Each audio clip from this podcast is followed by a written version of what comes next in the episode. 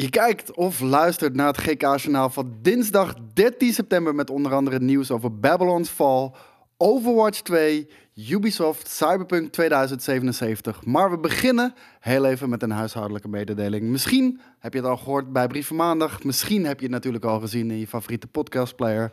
Maar het GK-journaal zal vanaf nu altijd ook als podcast verschijnen. We proberen hem altijd zo rond 5 uur in je inbox te krijgen, zodat wanneer je lekker klaar bent met werk of eh, van school lekker in het openbaar vervoer nog heel even op de hoogte gebracht kan worden van de laatste nieuwtjes in de gaming-industrie. Maar er is nog meer aan de hand vandaag, want vandaag is ook nog eens een Nintendo Direct. Die kwam helaas net te laat voor het opnemen van dit GK-journaal. Maar morgen gaan we daar in een extra GK-journaal gaan we daar uitgebreid op in. En dan gaan we niet alleen in op de Nintendo Direct. De Nintendo Direct die gaat over de games die nog uitkomen uh, in dit laatste gedeelte van het jaar op de Nintendo Switch. Maar er is ook een State of Play van uh, Sony natuurlijk. Sony PlayStation komt met een State of Play ongeveer 20 minuutjes begint vanavond om, uh, om 12 uur in de nacht. En ook daar gaat de focus liggen op Japanse games en wat third-party games. Maar, maar ik weet dat heel veel mensen op God of War Ragnarok zitten te wachten. En wanneer je deze omschrijving toch hoort, dan denk je zoiets van... Ja, waarschijnlijk zal het toch geen God of War worden.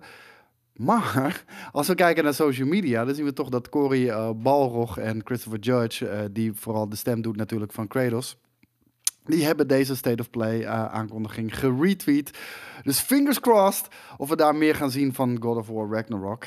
Dan uh, nu naar het nieuws. Want in de piepshow twijfelde Boris en jij nog openlijk of er überhaupt nog wel toekomst was voor, uh, voor Cyberpunk, de franchise, de IP van CD Projekt Red. Nou, natuurlijk het grote debakel bij launch. En eigenlijk wat daarna nog maandenlang eraan heeft gesleept. Maar die twijfel kan weg, want als we, als het management mogen geloven van CD Projekt Red, dan, um, dan zijn ze absoluut nog niet klaar met de franchise. Um, ooit waren er oorspronkelijk twee grote uitbreidingen aangekondigd voor, uh, voor Cyberpunk 2077. Uh, die is teruggebracht tot één. Daar hebben we natuurlijk afgelopen week daar de eerste trailer van gezien, waar je ook nu naar zit te kijken. Dat heet Cyberpunk 2077 Phantom Liberty. Het had zomaar een Hideo Kojima titel kunnen zijn.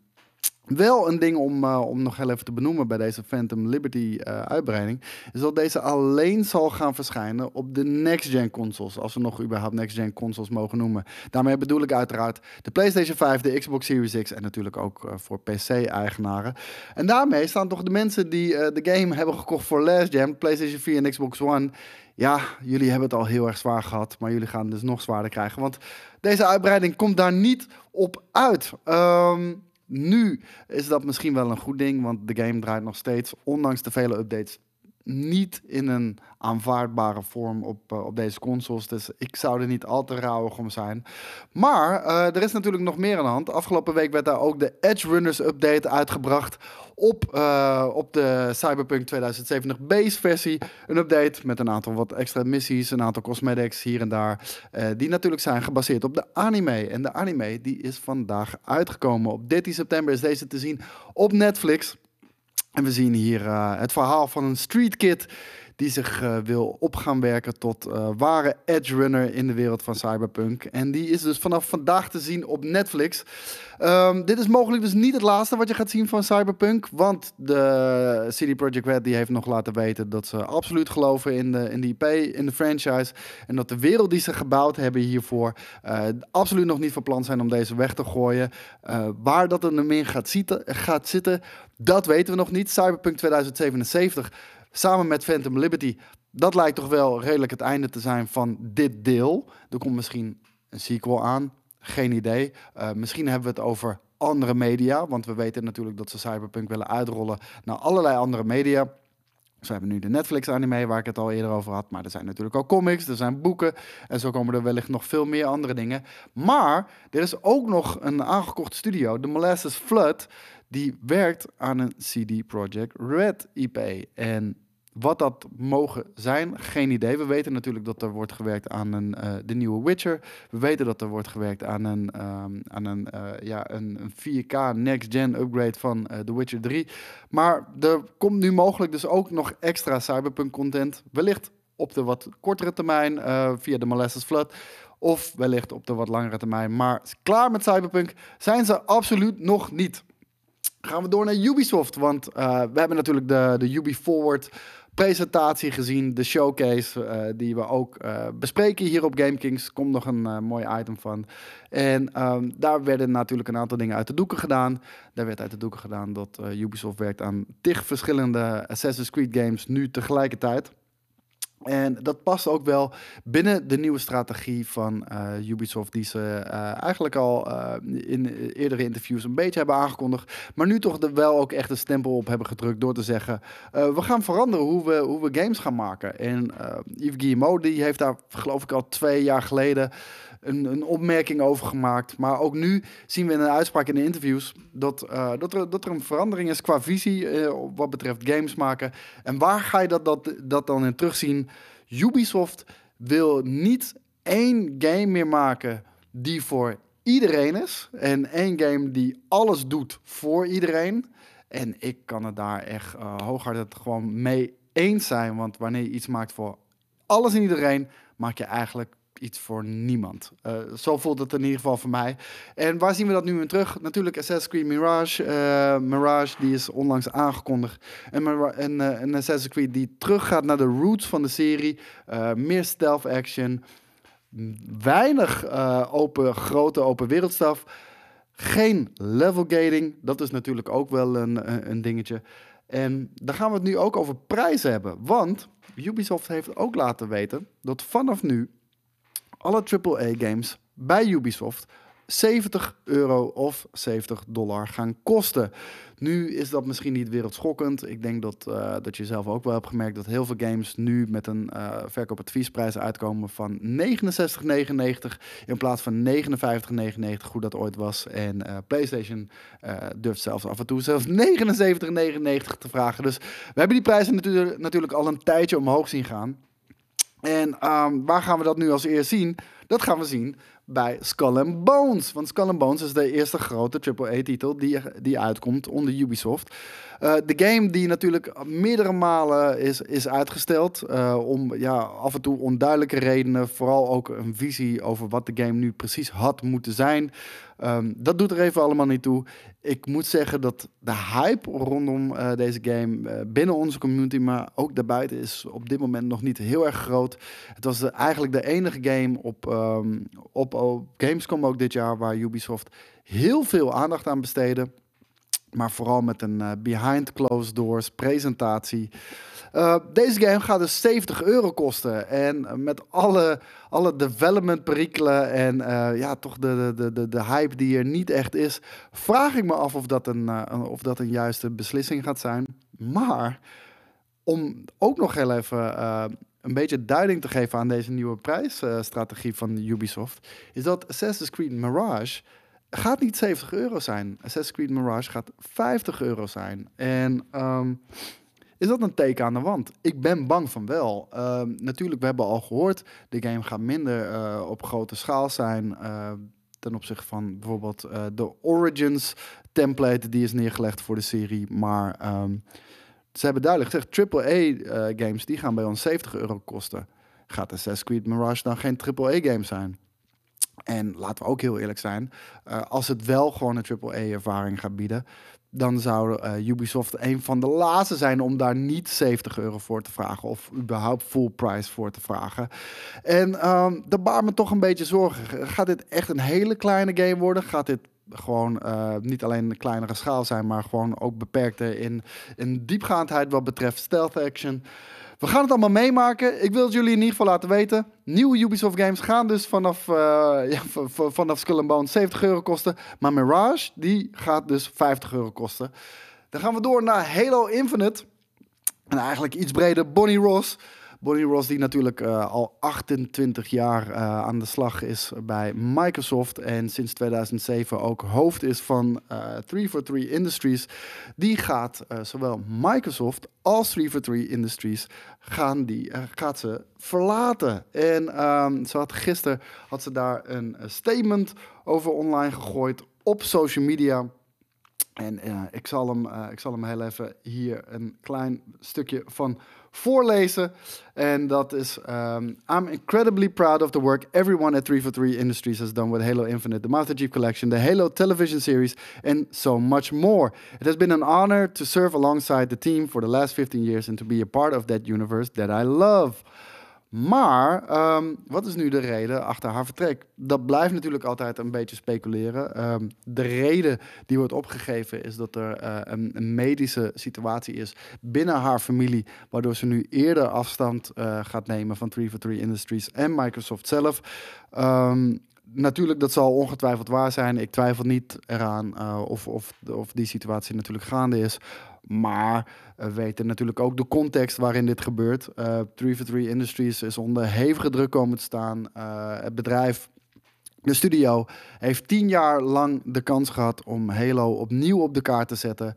Dat hebben ze met, ja, ik wil niet eens zeggen wisselend succes gedaan. Dat hebben ze ja, met uh, wisselende resultaten hebben ze dat gedaan. Ik denk dat Halo 4 uh, eh, vooral een, een smaakding is, maar ook heel veel dingen die, die, waar de community absoluut niet om had gevraagd. Halo 5 is misschien wel de zwakste game uit de, uit de franchise, zeker wat betreft uh, campaign.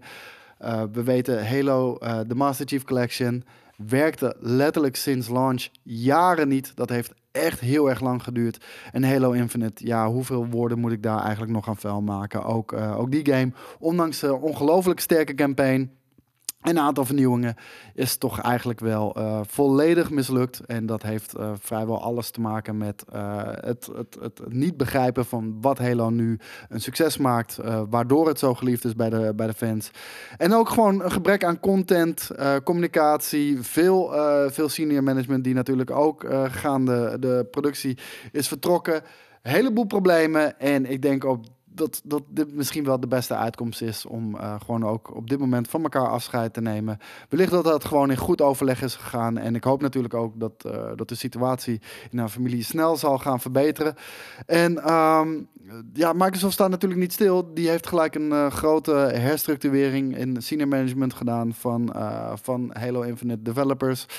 En uh, Pierre Hintze, die gaat nu uh, de leiding nemen. Maar ook daaronder uh, wordt er flink geschoven. En wellicht zal dat de komende tijd ook nog flink gedaan worden. Want ook de multiplayer lead uh, is onlangs, dat heb je misschien in het GK-journaal ook wel gehoord, ook al vertrokken bij, uh, bij Hello Infinite. Dus genoeg uitdagingen daar voor alles en iedereen. Um, hashtag Fire343 was natuurlijk een tijdje trending op Twitter. Twitter. Dat is nu voorbij. Hopelijk komt de studio, of in ieder geval de franchise, in een wat rustiger vaarwater. En uh, kunnen we hopelijk in de toekomst gaan genieten van hele vette Halo games. En uh, fingers crossed daarvoor, want ik heb nog steeds zoveel liefde voor de franchise. Maar het doet pijn om op dit moment een Halo fan te zijn. Dan gaan we door naar Babylon's Fall. Ook een, uh, een game, uh, ja, waarbij de verwachtingen niet bepaald waar werden gemaakt. dit is natuurlijk de live service game van Platinum Games. En uh, die is iets, uh, ja, iets meer dan een, uh, dan een half jaar geleden is dit uitgekomen. Een live service games dus, een, een, een action RPG die al na 194 dagen is gecanceld. En uh, nu weten we dat Square af en toe vrij hard kan zijn uh, wat betreft IP's en games die zijn uitgebracht. Uh, we weten dat vooral ook met de westerse studio's hoe dat is gegaan. En Babylon's Fall, ja, die, die stopt er nu mee. Um, dat is natuurlijk heel erg vervelend. de grote, grote uitbreidingen die in de toekomst gepland stonden, die, die zijn nu natuurlijk geschrapt. Dat, dat kan ook helaas niet anders. Maar er komen nog wel een aantal kleine updates aan. Zo zal er in november een update zijn. En zo zal er in januari nog een kleine update zijn. Waarna de, um, de, de servers zullen sluiten op 27 februari. Uh, dat is pijnlijk. Dat is zeker pijnlijk. Uh, de game is nu nog, nu nog, als je op dit moment waarschijnlijk kijkt, uh, wel te verkrijgen in de stores. Maar na vandaag zal de game ook uit de stores getrokken worden. De digitale stores in, in dat geval. En hier is nog in ieder geval één klein bericht wat, wat Platinum Games hierover zei. In particular, through our surveys, we've received a great deal of enthusiastic messages of support alongside keen observations of issues issues and suggestions for improvement. This really made us feel that we were able to create the world of Babylon's Fall together with our players. Despite all of your support, we are truly sad and sorry to say that we will be unable to continue the game services, and we hope you continue to enjoy playing Babylon's Fall until the service ends. Wat natuurlijk op 27 februari van dit jaar is. Dan gaan we door naar het laatste nieuws. En uh, je verwacht het niet, maar Activision Blizzard uh, heeft de fans weer tegen zich in het harnas weten te jagen. Want daar kwam ineens een bericht naar buiten dat je een 40 dollar Watchpoint pack kan kopen voor Overwatch 2 natuurlijk die eraan zit te komen. En de, deze Watchpack, Watchpoint pack van 40 dollar, die biedt de speler een Battle Pass, exclusieve skins, en uh, een zooitje aan in-game currency die, die je kan gaan verdienen ook in de game. En daar wordt dus ook bij gezegd Premium Battle Pass owners, Premium Battle Pass, dat zijn de mensen die gelapt hebben, die, die kunnen automatisch aan de slag met de nieuwe Overwatch Hero Kiki, Kiriko. Ik zeg het bijna verkeerd, maar ik herstelde me nog net op tijd. En ja, dat jaagde toch heel veel spelers een beetje in het, in het harnas. Want uh, Activision Blizzard en vooral het Overwatch team, die, uh, die was er vooral heel erg trots op dat ze niet meegingen uh, met de tropes van verschillende live service games. Overwatch kwam natuurlijk uit op een, in een tijd waarin live service games echt nog heel erg in de kinderschoenen stonden. Dit was een van, een van de eerste deed het altijd iets anders dan anderen. En daar waren ze ook best trots op. Maar ze lijken dat nu volledig overboord te gooien. Het is natuurlijk ook een beetje een raar verhaal hoe Overwatch 2 uitkomt. Overwatch 1 daardoor in zijn overneemt. En hier overstapt op, uh, op, een, ja, op, op een nieuw systeem. Nou, mensen waren er niet over te spreken. Ze vinden, ze vinden het niet in de geest van uh, de game. Uh, simpelweg omdat het switchen van verschillende support classes en heroes heel erg belangrijk is mid-game. Omdat in principe Overwatch gameplay is een soort van rock, paper, scissors. En daar moet je snel op in kunnen spelen om de balans te kunnen bewaren in, in, in een game. En dit waren enkele van de reacties van, van de Overwatch-fans. En ja, die waren niet mals. Um, hier hebben we er bijvoorbeeld eentje. Overwatch players waiting almost four years for a new support hero. Only for her to be paywalled or battle pass grind if you don't pay fucking incredible. Um, hier zien we er nog eentje. Um, hier hebben we die eentje van Frogger. En die zegt Overwatch 2 gonna be like... Wacht even. Overwatch 2 gonna be like... Sorry bro, I can't swap off Lucio. I'm broke and I'm in debt. En ik denk dat uh, aardig wat mensen dat zullen zijn na deze winter... wanneer we onze energierekeningen gaan zien. Um, dit was het nieuws van het GK-journaal van vandaag. Uh, morgen dus een extra GK-journaal met de samenvatting van natuurlijk de Nintendo Direct van vandaag en de State of Play van uh, PlayStation vannacht. En die zul je krijgen van Jan Johan Belderok. Voor nu, bedankt voor het kijken en luisteren en tot de volgende keer. Ciao.